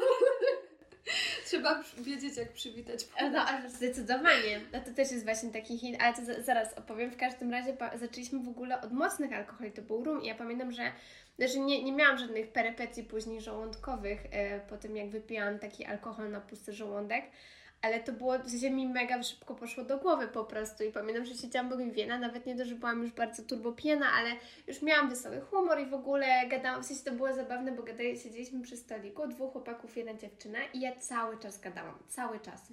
A oni tylko potakiwali, śmiali się, coś tam dopowiadali i w ogóle, a ja cały czas gadałam, bo oczywiście po alkoholu rozwiązuje się język jeszcze bardziej, a więc obcym, uuu, więc to było bardzo zabawne.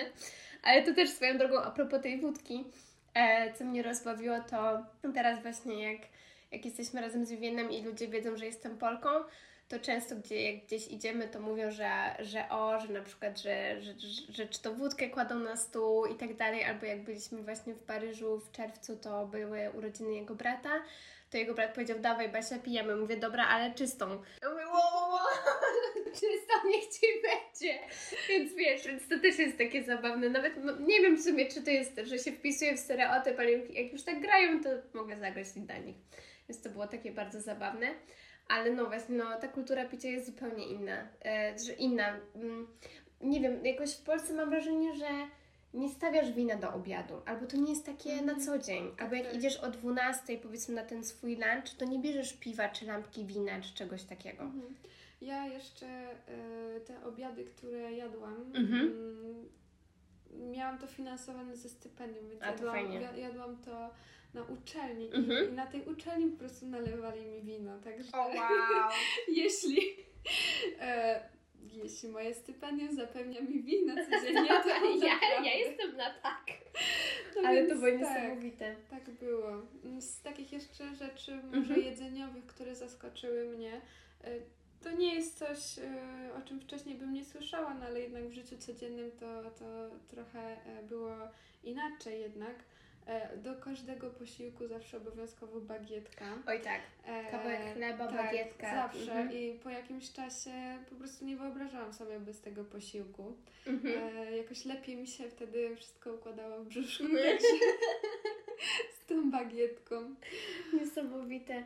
Ja jeszcze, co mi się przypomniało, taki miałam szok kulturowy, to to, że w sensie ja tam jechałam z myślą, już nie jedząc mięsa, mhm. więc ja tam jechałam z myślą bycia weganką, ale wiedziałam, że będzie to trudne, jako że Francja równa się ser. I mówiąc Francuzowi, że jesteś weganką, to dla niego to jest, to, to się nie równa, w sensie to jest prawie, że, że wiem, istnieją e, Francuzi, którzy są weganami, to już jest trochę bardziej popularyzowane, ale dla mnie, że popularyzowane, kto chce, to przechodzi po prostu na weganizm, ale dla mnie po prostu takim niesamowitym szokiem było też to, że zakładałam, że jako, że jestem na zachodzie, to jednak poziom jedzenia, czy w ogóle ta jakość jedzenia jest troszeczkę na, wyższa niż to, co mamy w Polsce, bo jesteśmy na zachodzie. I też inny, może nawet nie to, że inny klimat, ale inaczej ludzie do tego podchodzą, mhm. biorąc pod uwagę jakość życia i tak dalej. No i okej, okay, może fakt, że chodziłam do Lidla to też trochę, trochę inaczej. Widzisz, ja też chodziłam do Lidla. Potanio. Reklama Lidla w podcaście. I tak mi nie zapłacą. W każdym razie dla mnie takim szokiem było to, że miałaś tam bardzo dużo, bardzo dużo gotowych posiłków. U nas jakby to też jakby pierogi możesz kupić, pizzę mrożoną, nie wiem, jakiś makaron z sosem, ok, jakby to też istnieje, nie? Ale tam to, tego, ja miałam wrażenie, że tego było jeszcze więcej.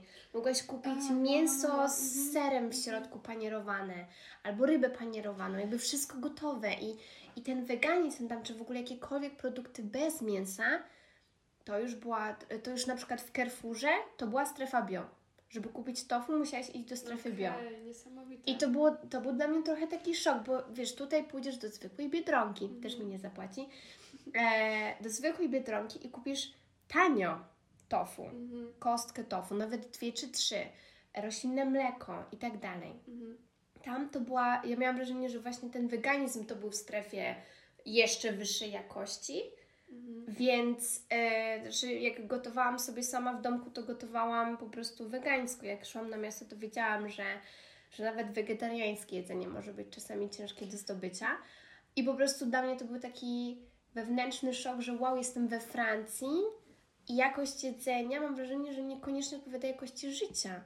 Widziałam ludzi, którzy mieli, wiesz, ogromne kosze jedzenia, takich gotowych, nie wiem, ragu w puszce i tak dalej. Po prostu masę tego wszystkiego, wiesz, wszystkie jogurciki, pełno czekolady zapakowane w plastik, żeby było na następny dzień, wiesz, czy w ogóle na kilka dni.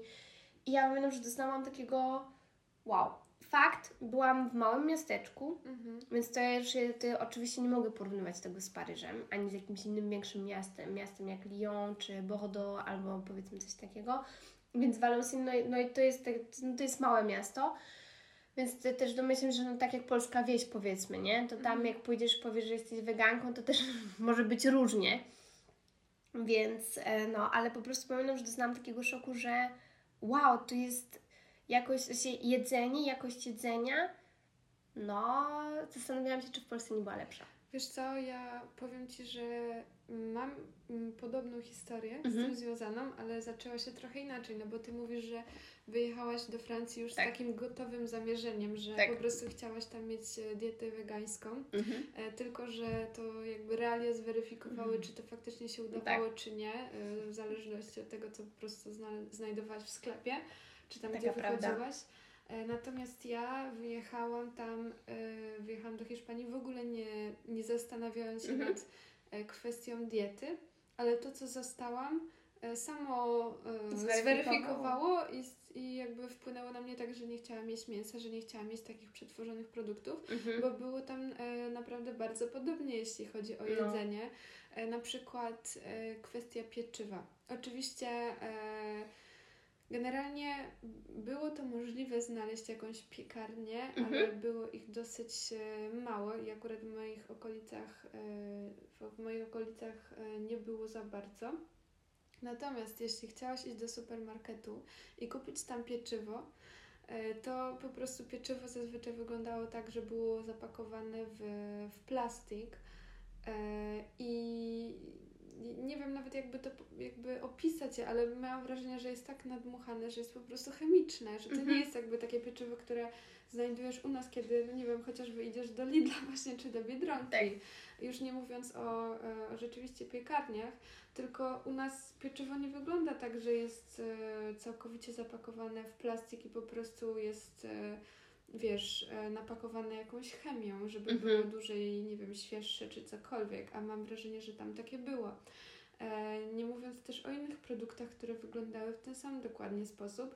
I widząc to, mm, bo mm, posiłki generalnie takie główne miałam zapewnione przez uczelnię, ale kiedy miałam się żywić sama, to musiałam z czasem odkryć, co, co będzie dla mnie najlepsze. To, ile mięsa e, oni spożywają, to też tam mm, mięso jest trochę inne. Oni jedzą bardzo dużo ryb i te ryby są pyszne, są mega zdrowe. Mhm. E, natomiast e, to, jak tłusta jest dieta Hiszpanów na co dzień, Tak. taka typowa dieta, sprawiło, że pewnego dnia stwierdziłam, że jest za dużo tego tłuszczu w mojej diecie, że ja Mhm.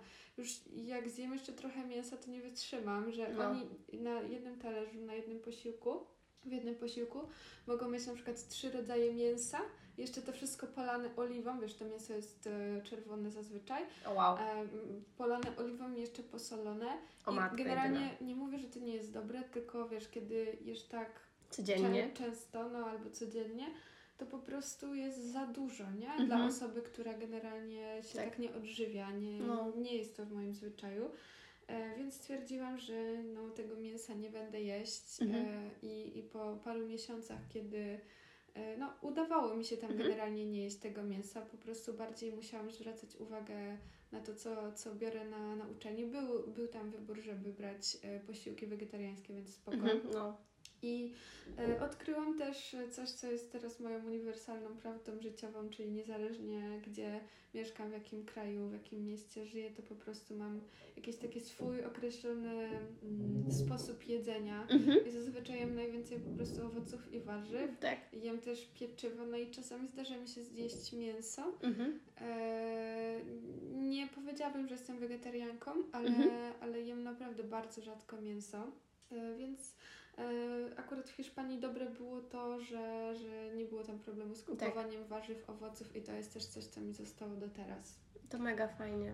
No. Mega fajnie. W ogóle, e, no, siłą rzeczy jesteśmy w Polsce, a nie w Hiszpanii, ani we Francji, więc jakbyś mogła pokrótce powiedzieć, co się stało, e, dlaczego wróciłaś do Polski. W sensie, myślę, że osoby, które nas słuchają i słyszą, że wyjechałyśmy w 2019 i wiedzą, że po 2019 był 2020, to raczej każdy się domyśla, co się wydarzyło. Mhm. No, jakbyś mogła powiedzieć pokrótce, e, co się stało. Więc e, pomijając sprawy oczywiste, które, Się wydarzyły. tak, które się wydarzyły, Czyli pandemia. Tak, e, byłam bardzo chora rzeczywiście i e, w ogóle mój powrót cały do Polski był tak bardzo nagły, był tak bardzo spowodowany moim złym stanem zdrowia, że stwierdziłam, że wrócę na jakiś czas do, do Mhm. Polski. Zostawiłam tam generalnie wszystkie moje rzeczy i Zrobiłam to samo. pożegnałam się z, z moimi współlokatorkami, jakbym kurczę jechała na jakąś wojnę. One dosłownie tak to powiedziały, że spokojnie wszystko będzie dobrze, że wrócisz tu i że się zobaczymy. No i Mhm. No. okazało się, że nie wróciłam już, już nigdy. One wysyłały mi moje, moje rzeczy później ja. e, w paczce, co było ogromnie pomocne, ale no cóż, e, tak wyszło. E, Czemu ostatecznie nie wróciłam do Hiszpanii? Bo po prostu było to niemożliwe, bo granice Mhm. były zamknięte. Tak. Jeśli chodzi o, o studia, to e, Były zdalne? były zdalne, z tym, że ja już chyba, ja już w nich nie uczestniczyłam, bo to był taki etap, w którym stwierdziłam, że po prostu nie chcę tego studiować, że ten mój kontakt z hiszpańskim był już na, na tyle na tyle dobry, na tyle profesjonalny, że ja uznałam, że ja chcę znowu zrobić to samo z innym językiem. Mhm. E, W międzyczasie za, w ogóle w Hiszpanii zaczynałam e, pracować, miałam pracę związaną z językiem. Mhm. E, udzielałam też lekcji, robiłam inne rzeczy, jakieś inne zlecenia i stwierdziłam, że po prostu to jest to właśnie, czym się chcę zajmować. Chciałabym też robić coś filologicznego, z czym jestem bardzo mocno związana, Mhm. na czym mi zależy. Więc stwierdziłam, że kurczę, co ma być, to będzie. Nie Tak. wrócę i, i nie żałuję kwestii tego powrotu, bo Mhm. życie nauczyło mnie, że jeśli tylko chcę, to ciągle mogę mieć kontakt z tym językiem. Tak. Moja rodzina na początku podchodziła do tego trochę tak, że kurczę, że odpuszczam sobie nie wiadomo co, w sensie, że, że, Mhm. że omija mnie coś takiego niesamowicie wartościowego, ale ja uważam, że jeśli ta decyzja była szczera Tak. e, i była zgodnie ze mną, podjęłam ją zgodnie ze sobą, z tym, co, co wtedy aktualnie miałam w głowie, to naprawdę nie mam czego żałować. Nie. Staram, Absolutnie. Staram się tak do tego podchodzić. Było, było dużo rzeczy, za którymi tęskniłam, ale myślę, że mm, mam taką refleksję, że wiele rzeczy można odnaleźć w wielu miejscach na świecie. Tak. I to, że jestem teraz tutaj, jest kwestią etapu, Mhm. e, który szanuję i bardzo mi się on podoba. Mhm. Ale jeszcze bardziej kocham życie za to, że wiem, że są również inne Piękne. Jest bardzo piękne, co powiedziałaś. A po tym jednym etapie w Hiszpanii czujesz się bardziej Hiszpanką czy Polką? Ani to, ani to. Albo, albo to i to. Y, Ciężko jest mi powiedzieć, nigdy nie, nie uważałam się za patriotkę i Mhm. myślę, że za mało wiem, żeby zrozumieć to słowo. Mhm. Jest pewien zbiór rzeczy, które wiąże mnie z Polską. Jest pewien zbiór rzeczy, które wiąże mnie z Hiszpanią. Mhm. E, także chyba powstrzymam się od odpowiedzi, naprawdę, bo nie chcę. E, mam za duży szacunek do takich Mhm. e, stwierdzeń, żeby, żeby się wypowiadać w tej kwestii, wydaje mi się. Szanuję Twoją odpowiedź, to jest te, też w ogóle bardzo, bardzo ciekawe spostrzeżenie, ale każda z nas usłyszała w pewnym momencie takie zdanie, że przecież w Polsce jest tak samo, to dlaczego szukamy tego za granicą? Tak, zawsze można powiedzieć, że jeśli tęsknisz za tym krajem, to po prostu wyjedź sobie na jakiś czas, na, wyjedź sobie na Wakacje. tydzień, na wakacje i wróć. Uważam, że jest ogromnie trudno wytłumaczyć to osobom, które nie przeżyły tego, Mhm. bo To jest zupełnie inne doświadczenie. dokonuje się pewna jakaś zmiana w Twojej świadomości. Tak. I kiedy zaczynasz doświadczać takiej różnorodności, po prostu w pewnym momencie nie możesz przestać. Mhm. Nie możesz przestać tego doświadczać, po prostu tego potrzebujesz. To jest jakaś Twoja taka potrzeba poznania. Tak. Zostawiasz cząstkę siebie tam po Mhm. prostu, jakby potrzebujesz wrócić na jakiś czas do, do, do tamtej Mhm. siebie. Dokładnie. I myślę, że niekoniecznie, przynajmniej nie wiem, może Mhm. ty też tak masz, że mm, no, ty teraz częściej jesteś we, we Francji niż ja, niż ja w Hiszpanii tak naprawdę. Trochę jest to spowodowane innymi Ja warunkami. doświadczam Hiszpanii ciągle w swojej Mhm. pracy, w, w tym, że tańczę salsę, w tym, że czytam książki, że słucham muzyki, że uczę tego hiszpańskiego. Mhm. E, Więc y, to jest mój styl życia. I, i, I uważam, że nie jest to aż tak związane z tym miejscem. Oczywiście ogromnie tęsknię za Hiszpanią No. i, i chciałabym tam pojechać. Natomiast to, to nie jest tak, że pojadę tam na tydzień i moje problemy się rozwiążą. No, Nawet dwa tygodnie nie- nie- tym bardziej, nie? Nawet nie problemy, tylko właśnie ta potrzeba, tylko Że się nasycisz i wrócisz Tak. i będzie dobrze. to nie jest tak, że po prostu jesteś głodna, najadasz się i Tak. już nigdy nie jesteś głodna. Nie. E, Właściwie taki tydzień to jest tak, jakby ktoś postawił przed tobą tort i nawet nie dał ci kawałka, a ty masz związane No, ręce. Tak, w sumie masz rację, tak. Bo, bo, bo to jest też trochę tak, że ty już masz, masz taki klucz do tego świata i musisz ciągle go tak jakby otwierać. To nie jest tak, że po prostu go masz i te drzwi są przed tobą i ich Tak. nie otwierasz, no nie? No, Myślę, że to jest, e, jako że studiuję filologię, to jest takie moje zboczenie trochę, to, to uważam, że to jest bardzo silnie uzasadnione taką komunikacją mhm. z, z ludźmi, których masz wokół siebie, ale również ze światem i to sprawia, że lepiej rozumiesz ten świat. Tak. Że, że starasz się jak najbardziej go zgłębiać, analizować i przeżywać. Mhm. Powiedziałeś, że jesteś nomadem, ale masz jakieś miejsce, gdzie czujesz się jak w domu? Z samą sobą myślę. Dom jest tam, gdzie ty. Jest taka piosenka Home i właśnie oni tam śpiewają, że, e, że dom jest wszędzie tam, gdzie jestem z tobą, bo jakby to jest para, która Mhm. śpiewa do siebie. Ale w sumie jakby można to śpiewać samemu sobie. Jak najbardziej, to znaczy nie, nie, nie miałam na myśli tego w takim, wiesz, nie chcę, żeby to brzmiało egoistycznie, bo Mhm. mm, nie ma dla mnie domu bez ludzi, którzy go Tak. tworzą. I y, cudowne jest to, że w osobach innych można go znaleźć. Mhm. E, i nigdy nie będę twierdziła, że nie, ale nie jest to możliwe, jeśli tego w domu, tego domu nie masz też w sobie. Tak. W sensie możesz po prostu sobie iść do znajomych i fajnie jest z nimi, ale jeżeli te, to uczucie mimo wszystko nie wyjdzie, Mhm. jakby nie pojawi się w tobie, to może w ogóle nie być takiego miejsca, gdzie czujesz się jak w domu. Dokładnie, że masz do siebie takie zaufanie, nie? Tak, tak. To jest, to jest bardzo, bardzo ciekawe. Ja właśnie, był taki moment chyba na początku tego roku, kiedy jeszcze w sumie nie wiedziałam, bo miałam taki plan, że wyjadę na staż, że w ogóle skończę tylko studia i zaraz wyjadę do Viviena i tak dalej. I się, jakby no nie stało się tak i e, ja też zostałam w Polsce i pamiętam, że był taki moment, że to chyba było jakoś po chwilę po tym, jak wróciłam e, po moim pobycie e, mm, we Francji i wróciłam do Polski. Pamiętam, że tak siedziałam i siedziałam u siebie w mieszkaniu, miałam wrażenie, że w ogóle nie jest to mój dom.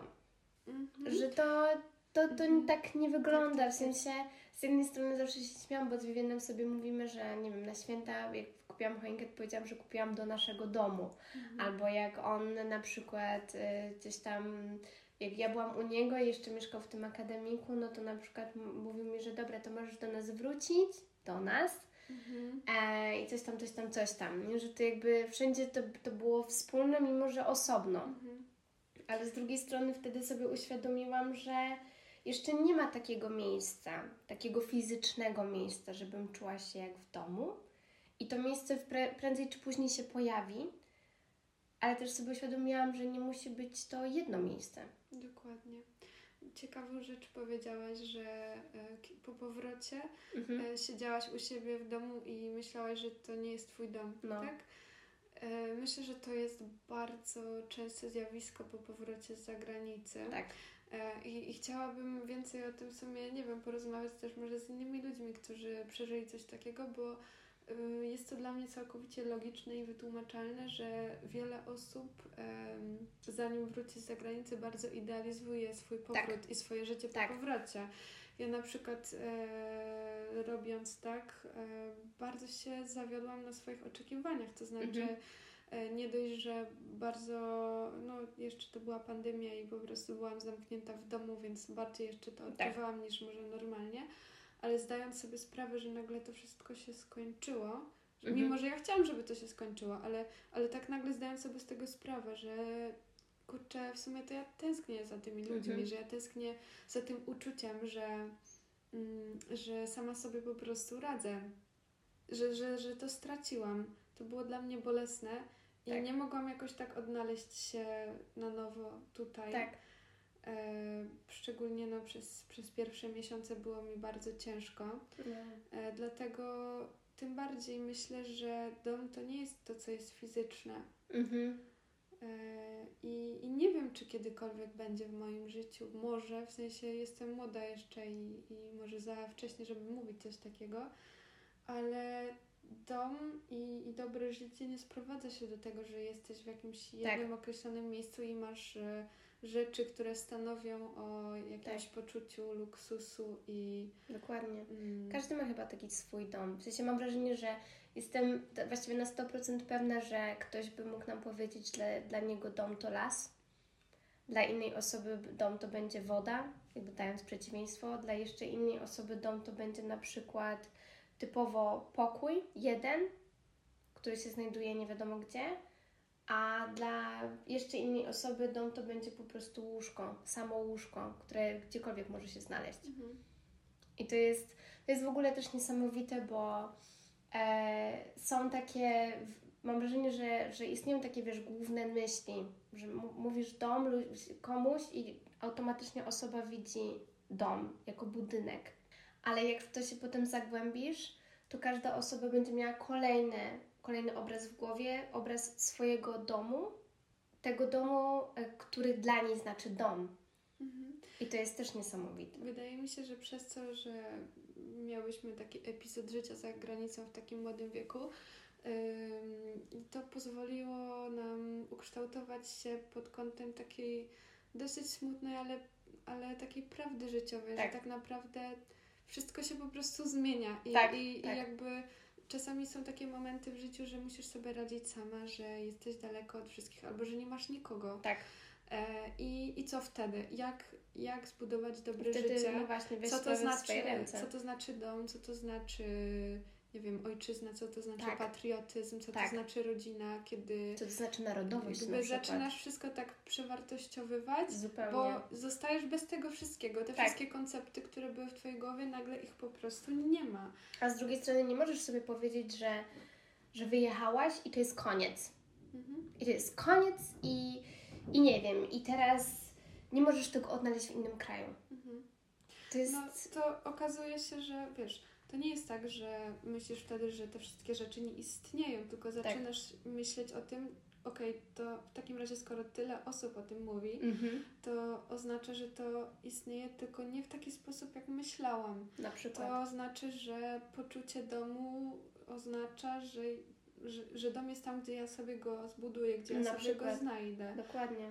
No nie? To jest, to jest właśnie też niesamowite i em, ja myślę, że y, mimo wszystko, mimo że mój Erasmus też się skończył, w sensie czułam się tak, jakby ktoś mnie po prostu wyrwał stamtąd. Jak to jest, wiesz, to uczucie na przykład, że jesteś w wesołym miasteczku i świetnie się bawisz, tak, totalnie, w sensie, wiesz, tracisz poczucie czasu, jest, no, zajebiście i, i wow, i fantastycznie, i nagle ktoś odcina prąd, wszystko się zatrzymuje, nie, koniec. Mhm. I to nawet nie masz jak, jak do tego wrócić, bo, bo to się nie zapali samo. To nie chodzi o to, że ktoś ci zatrzymał Twoją atrakcję i w każdej chwili może włączyć, tylko cię odciął od prądu. Mhm.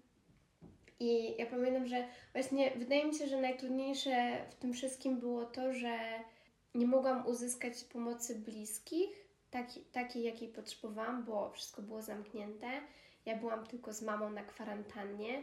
Wiesz, też były, dostałyśmy milion zasad, żeby trzymać dystans dwóch metrów między sobą, więc ta bliskość, której tak naprawdę potrzebowałam i ci wszyscy znajomi, którzy wiedziałam, że byliby mi w stanie pomóc, bo wystarczyłoby, żebym ja tylko po prostu weszła z powrotem w to takie polskie życie, mhm. czyli wiesz, że po prostu, żebym spo- zaczęła się spotykać ze znajomymi, poszła na kawę, coś tam zrobiła i tak dalej, a ja siedziałam w domu i tylko jedyne o czym myślałam, to to, że nie mogę tam wrócić, że mój bilet jest odwołany, że zostawiłam tam swoje rzeczy, że wróciłam z kluczem do akademika, więc ja muszę ja tam wrócić. Ja do dzisiaj mam klucz do, do swojego mieszkania. Czasami bardzo mnie kusi, żeby po prostu się włamać.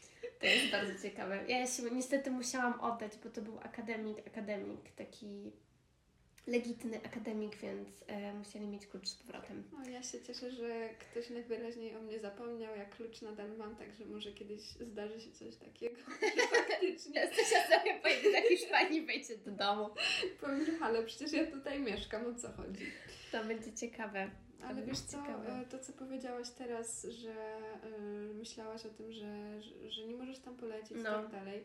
Mam wrażenie, że e, to jest coś takiego, że to jest taka pierwsza faza, czy tak. tam jedna z pierwszych faz takiego żalu, mhm. ale później przychodzi kolejna, e, to co też przed chwilą powiedziałaś, że wejście znowu w, te, w to polskie życie, w te no. polskie znajomości. Ja nie wiem, Basia, jak Ty sobie z tym poradziłaś, Ciężko ale było. Y, u mnie było to bardzo ciężkie i mimo, że już minęły ponad dwa lata od tak. mojego powrotu, nadal jest. Mam wrażenie, że nigdy nie będzie takie samo jak wcześniej. Nie. Dlatego no, teraz y, ja sama znajduję, sama sobie wynajduję okazję, żeby trzymać się z ludźmi mm -hmm. hiszpańskojęzycznymi, bo, bo, bo to jest mój sposób na przeżycie. Tak. Gdyby tak nie było, gdybym nie miała takiej okazji, Myślę, że prawdopodobne jest, że bardzo chciałabym wrócić. Może nawet bym to zrobiła, może bym walczyła mhm. o to. Nie wiem, teraz y, mam, mam inne rzeczy, którymi się zajmuję, mhm. ale, ale jestem skłonna nawet y, stwierdzić, że taki powrót w polskie życie i polskie znajomości, takie jak, y, jak miałyśmy przed wyjazdem, mhm. jest y, niemożliwe. Nie.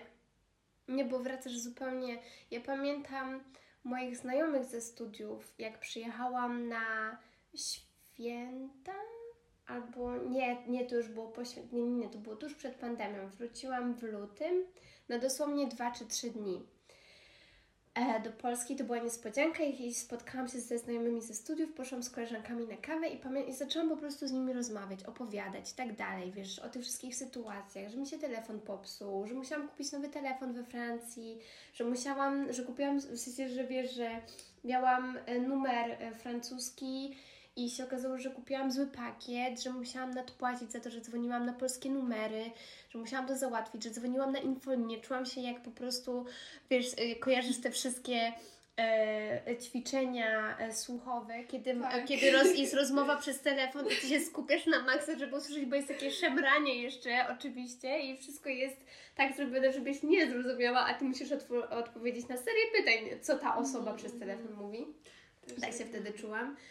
I, e, I wiesz, opowiadam o tym wszystkim i, i te dziewczyny, które mnie znały rok, znały mnie tylko rok, bo ja, byłyśmy razem na pierwszym roku studiów, miały takie Jezus, Basia, ja nie wiem, kim Ty jesteś. Y, w takim pozytywnym tego słowa znaczeniu, że, że jesteś totalnie inną Basią niż tą Basią, którą byłaś na pierwszym roku studiów.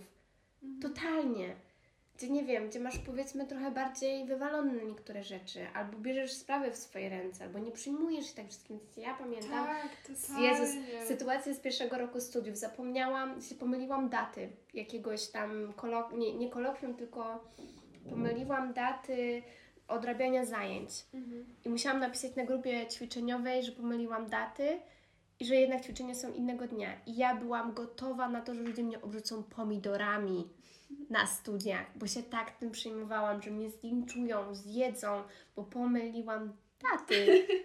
A potem, wiesz, wracam po Erasmusie i mówię o na przykład mojej przygodzie powrotu z Amsterdamu do Brukseli kiedy w pewnym momencie zostałyśmy z moimi dwoma przyjaciółkami o 22 w centrum Brukseli bez jakiegokolwiek noclegu.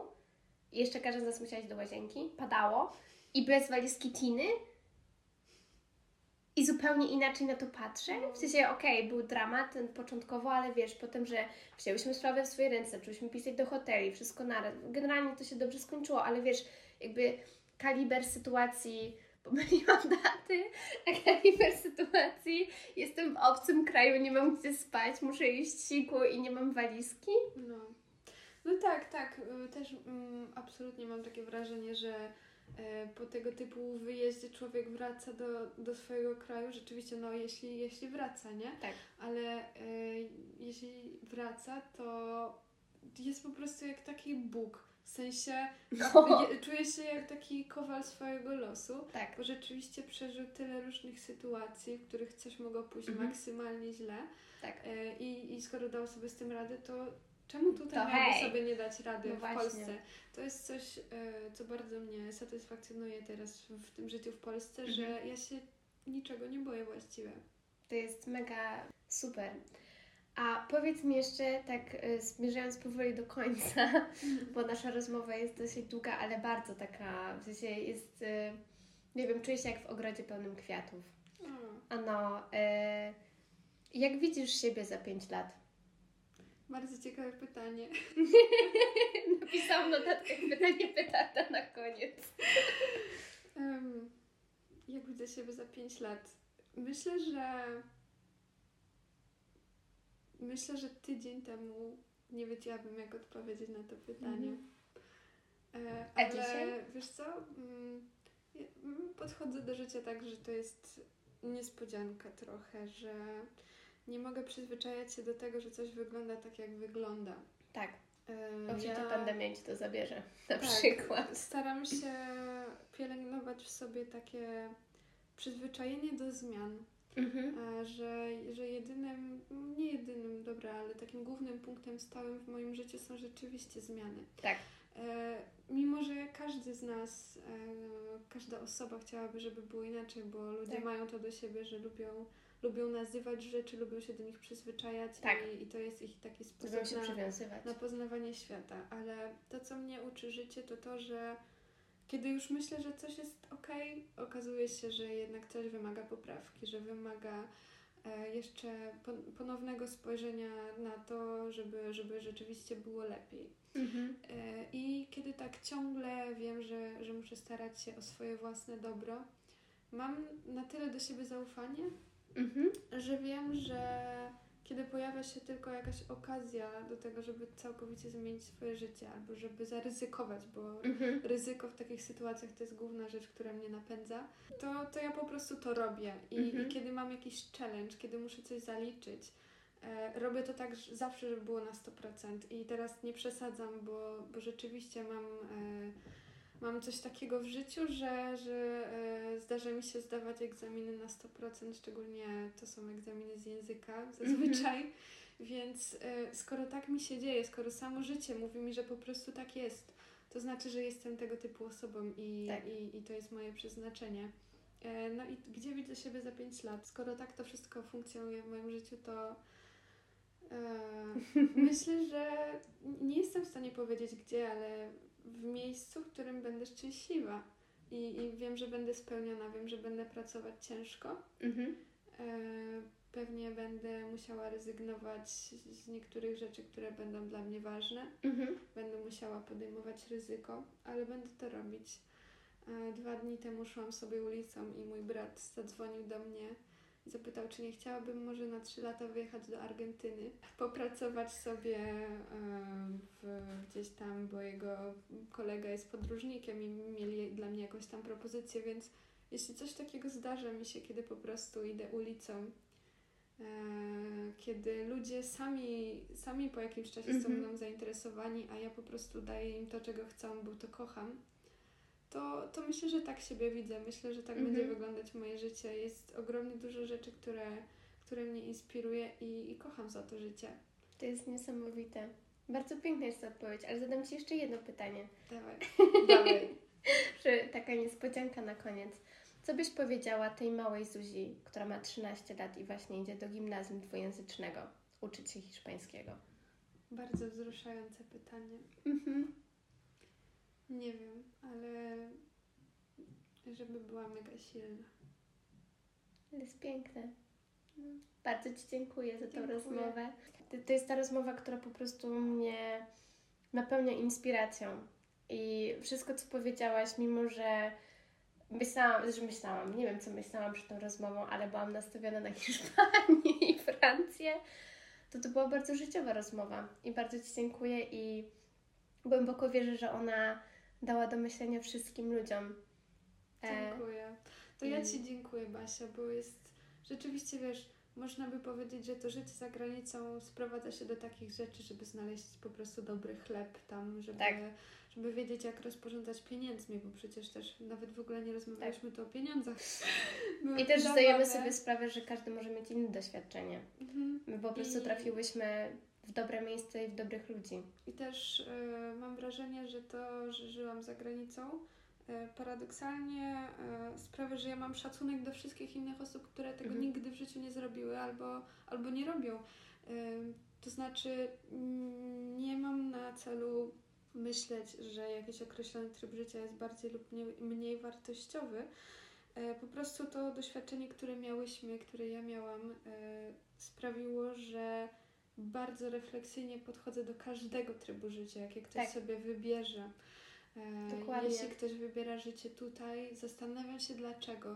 To Tak. znaczy, zastanawiam się, no ma, mm, ta osoba ma na pewno powody, czemu, bo jest naprawdę tyle czynników, które sprawia, że życie może być dobre lub złe, że jeśli, jeśli dla tej osoby to- to jest dobre, to szanuję ten wybór. Tak, Ja miałam ścieżkę, która była bardzo zakręcona. Ty też, ty też wyjechałaś i, i wiesz, że, że życie potrafi być inne niż, niż y, takie, kiedy po prostu urodziłyśmy się w Polsce i Tak. tutaj miałyśmy swój początek. tak. Ale zboczyłyśmy z tej drogi na chwilę i zobaczyłyśmy ją z innej perspektywy. Dokładnie. I teraz jesteśmy tutaj, ale A za rok zobaczymy. możemy być gdzie indziej. No pewnie. No, bardzo Ci dziękuję za tą rozmowę i zawsze powtarzam to na koniec, ale jeżeli pozwolisz, to będziesz podlinkowana. Oczywiście. Zwłaszcza w sensie Twój Instagram i jakby ktoś miał ochotę napisać do Ciebie wiadomość, to pewnie do Ciebie napiszę. Dziękuję bardzo, No, Basiu. Bardzo dziękuję. Merci beaucoup. Merci beaucoup. Dziękuję Wam bardzo za wysłuchanie tego odcinka. Merci. E, To była naprawdę cudowna rozmowa i nawet nie wiem, kiedy nam minął ten czas. I muszę przyznać, że bardzo ciekawie słuchało mi się Zuzi, tym bardziej, że wcześniej do końca nie znałam całej historii jej podróży i poznawałam ją razem z Wami, słuchając jej opowieści, także było mi naprawdę bardzo miło. E, Jeżeli tylko chcielibyście wesprzeć mój podcast, jak widzicie, jest on początkujący nadal, ale cały czas stawiam kolejne kroki na tej ścieżce podcastowej. Każdym razie, jeżeli tylko chcecie wesprzeć mój podcast i moją twórczość, to możecie ocenić podcast na Spotify'u, dodać wybraną liczbę gwiazdek. W aplikacji Apple Podcasty można również podcast ocenić i wystawić recenzję e, każdemu odcinkowi, więc byłoby mi bardzo miło, jeżeli byście się o to pokusili. E, I jeżeli tylko macie ochotę, to napiszcie do mnie wiadomość na Instagramie. Ja z radością odpowiadam na każdą e, i sprawia mi ona ogromną przyjemność, więc jak tylko możecie, to napiszcie. I to by było tyle na dzisiaj. Słyszymy się za dwa tygodnie w kolejnym odcinku podcastu. Do zobaczenia. Cześć!